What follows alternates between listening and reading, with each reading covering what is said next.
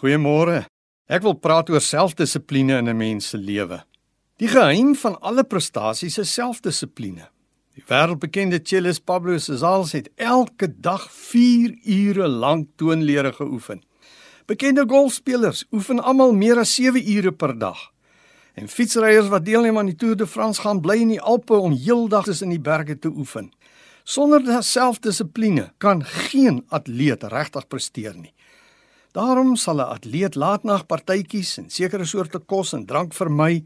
'n atleet sal gesond eet en slaap en hard oefen om sy liggaam fiks te kry. Geestelike selfdissipline is ook deel van Christendom.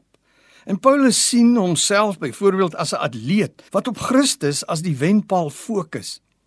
Daarom het hy tyd gemaak vir sy Bybelboekrolle vir ure van gebed en om te getuig vir Christus al vra dit watter opoffering.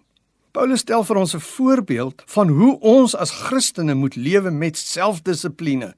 Daarom lees ons in 1 Korinte 9 vers 25 en 27. Almal wat aan 'n wedstryd deelneem, ontsê hulle self allerlei dinge.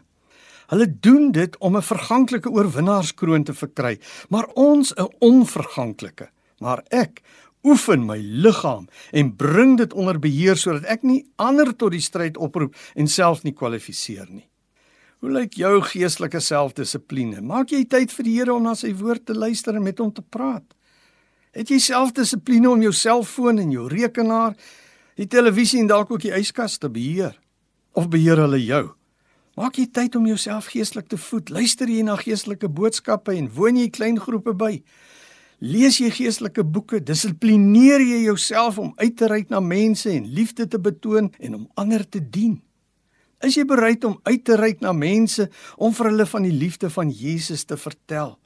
Dissiplineer jy jouself om nie vir sonde plek te gee in jou gedagtes en jou woorde en jou optrede nie.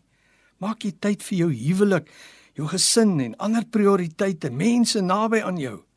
Eintlik is die groot vraag of jy met toewyding soos 'n atleet voluit hardloop met jou oë gefestig op Jesus.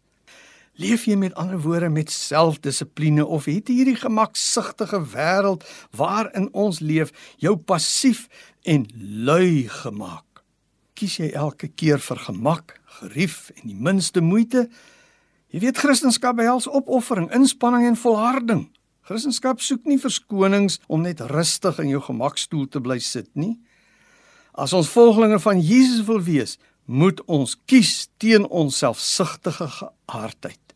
Ons moet ons kruis opneem en ons moet agter Jesus aanvolg.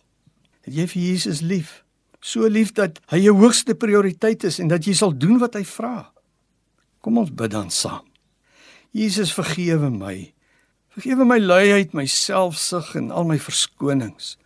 Ek wil U volg waar U my lei en ek sal doen wat U van my vra. Amen. Geseënde dag vir jou.